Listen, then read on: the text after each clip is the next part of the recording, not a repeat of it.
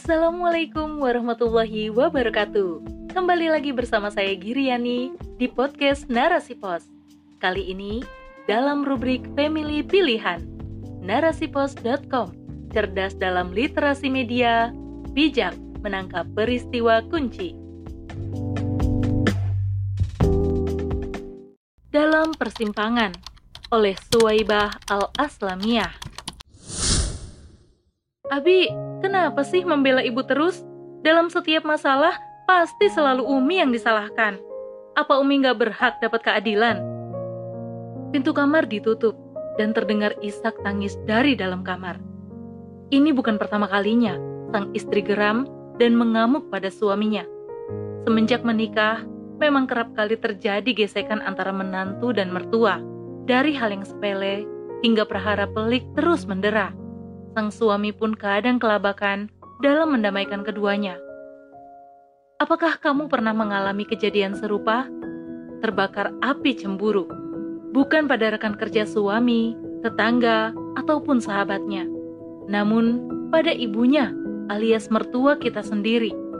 Monogami, rasa poligami, semua serba berbagi. Jika iya, maka penting sekali bagi kamu untuk menelusuri bagaimana Islam memandang terkait hal ini dalam berbagai kondisi, hingga tips menata hati agar rela berbagi dan bersinergi dengan mertua. Ketika seorang lelaki masih membujang alias single, maka orang tua menempati urutan nomor tiga setelah Allah dan Rasulnya dalam hal ketaatan. Lantas, bagaimana setelah lelaki menikah? Apakah posisi ketaatannya pada orang tua berubah seiring dengan hadirnya istri dan anak? Ternyata tidak. Islam begitu mengistimewakan posisi orang tua, mengingat jasanya yang tak terkira dalam melahirkan, merawat, mendidik, dan menafkahi anaknya. Oleh karena itu, ketaatan dan bakti seorang anak pada kedua orang tuanya tak mengenal batas waktu dan tempat. Allah Subhanahu wa Ta'ala berfirman dalam surah Luqman ayat 14. Kami memerintahkan manusia untuk berbuat baik kepada kedua orang tuanya. Ibunya telah mengandungnya dalam keadaan lemah, kepayahan, dan menyapihnya pada dua tahun. Bersyukurlah kepadaku dan kedua orang tuamu. Hanya kepadaku tempat kembalimu. Bahkan Rasulullah Shallallahu Alaihi Wasallam pun ikut angkat bicara dari Abu Hurairah radhiyallahu anhu, ia bercerita seorang laki-laki yang mendatangi Rasulullah Shallallahu alaihi wasallam dan bertanya, "Siapa yang paling berhak kuperlakukan dengan baik?" Nabi menjawab, "Ibumu." Lalu siapa? Nabi berkata, "Ibumu." Terus siapa? Nabi berkata lagi, "Ibumu." Siapa lagi? Bapakmu kata Nabi. Hadis riwayat Bukhari dan Muslim. Dari kedua dalil di atas, jelas bahwa ketaatan dan bakti seorang laki-laki kepada orang tuanya tidak berubah. Terlepas apakah dia masih single ataupun sudah menikah. Orang tua, khususnya ibu, menjadi prioritas utama. Surga nerakanya seorang laki-laki ada pada orang tuanya. Inilah yang harus dipahami Muslim, baik itu lelaki maupun perempuan. Syarak telah menegaskan ketetapannya. Namun demikian, bagi seorang lelaki yang telah menikah, tidak serta-merta boleh menelantarkan istri dan anaknya gegara pemahaman tadi. Sebab Syara pun telah menetapkan kewajiban lain, yakni memberikan nafkah kepada istri dan anaknya.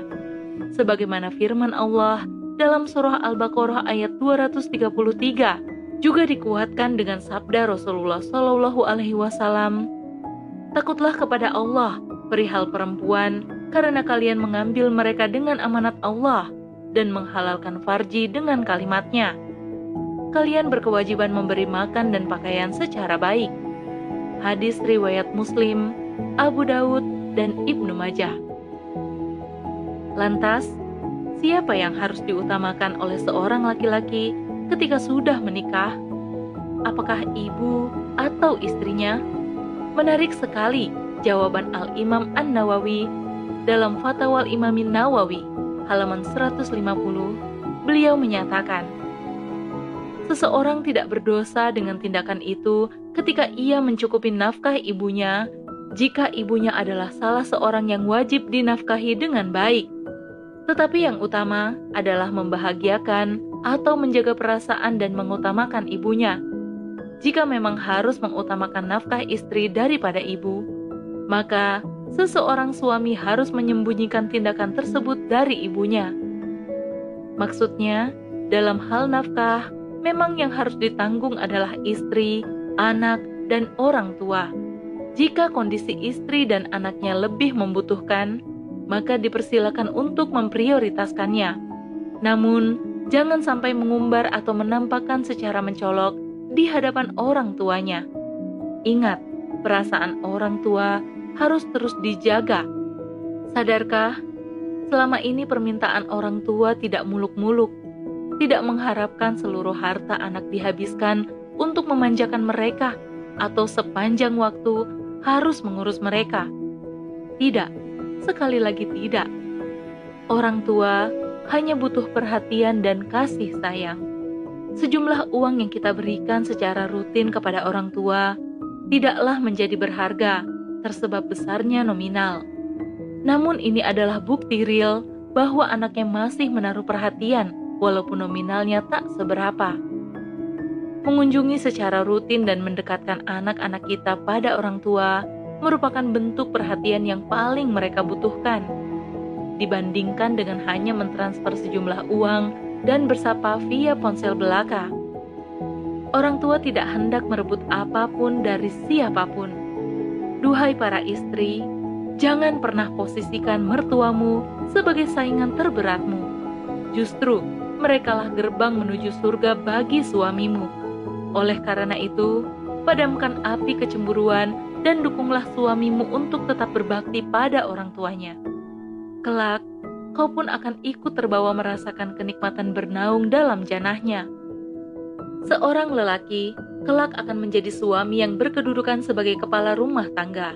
Di pundaknya ada amanah yang cukup berat, memberikan nafkah dan kasih sayang melindungi sekaligus mengayomi istri dan anaknya. Bukan hanya itu, ia pun harus tetap berbakti kepada orang tuanya atau birul walidain.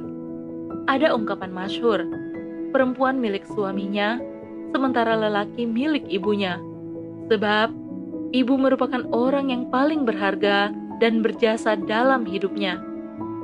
Perihal menafkahi orang tua hukum asalnya sunnah, namun berubah menjadi wajib kala terpenuhinya dua syarat. Pertama, kondisi orang tua yang lemah dalam finansial atau miskin sehingga membutuhkan bantuan. Kedua, anak lelakinya kaya dan memiliki kemampuan lebih dalam hal keuangan setelah menyempurnakan nafkah pada istrinya dan anaknya. Kedua syarat ini telah disepakati oleh para ulama.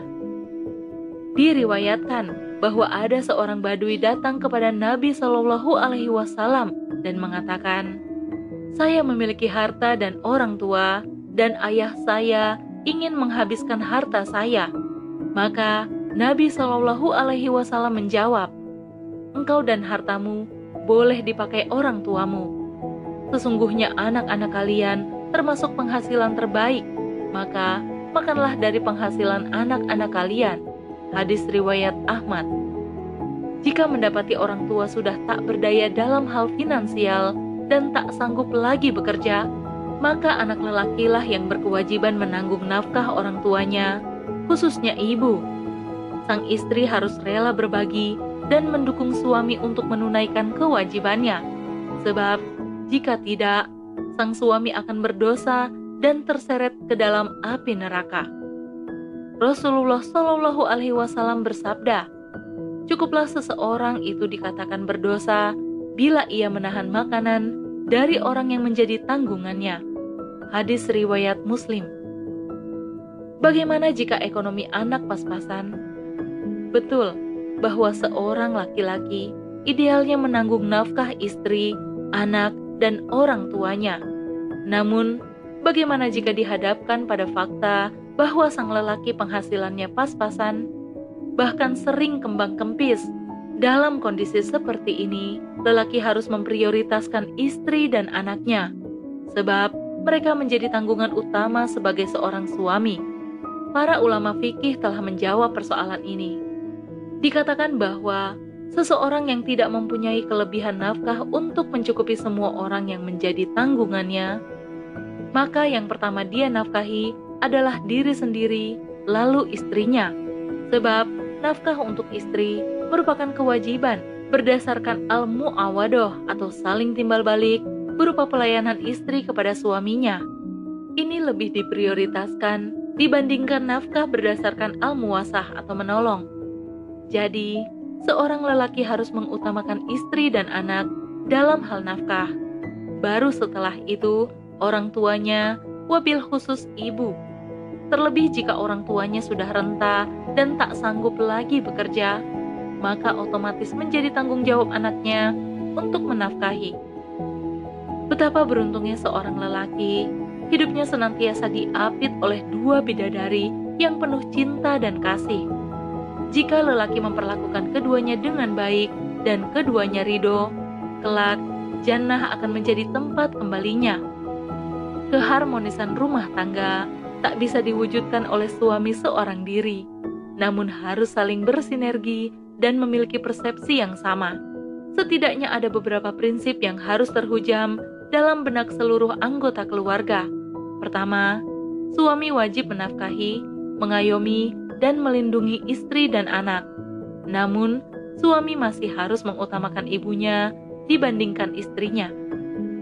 Kedua, kewajiban seorang istri adalah menaati suami dibandingkan orang tua istri.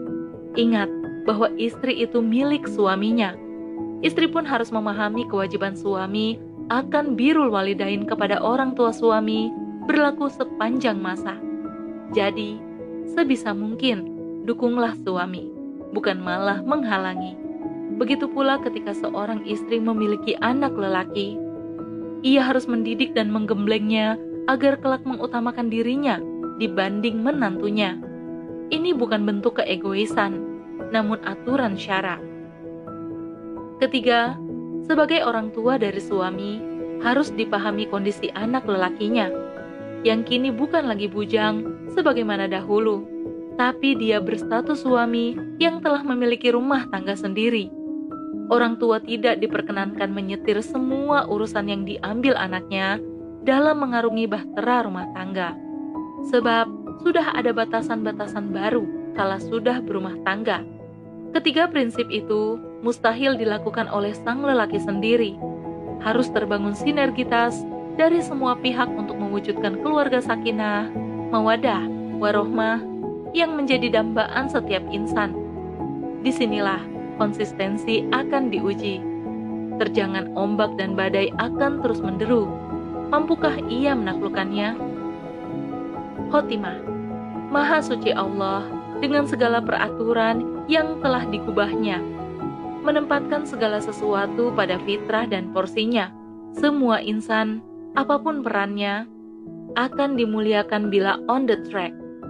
Jika manusia mengamalkan ini semua, kelak tak ada lagi suara sumbang terkait perseteruan dalam rumah tangga, penelantaran orang tua, dan keluarga. Sungguh, kehidupan harmonis lagi berkah hanya akan terwujud dalam bingkai Islam kafah. Wallahu a'lam bishawab. Wassalamualaikum warahmatullahi wabarakatuh.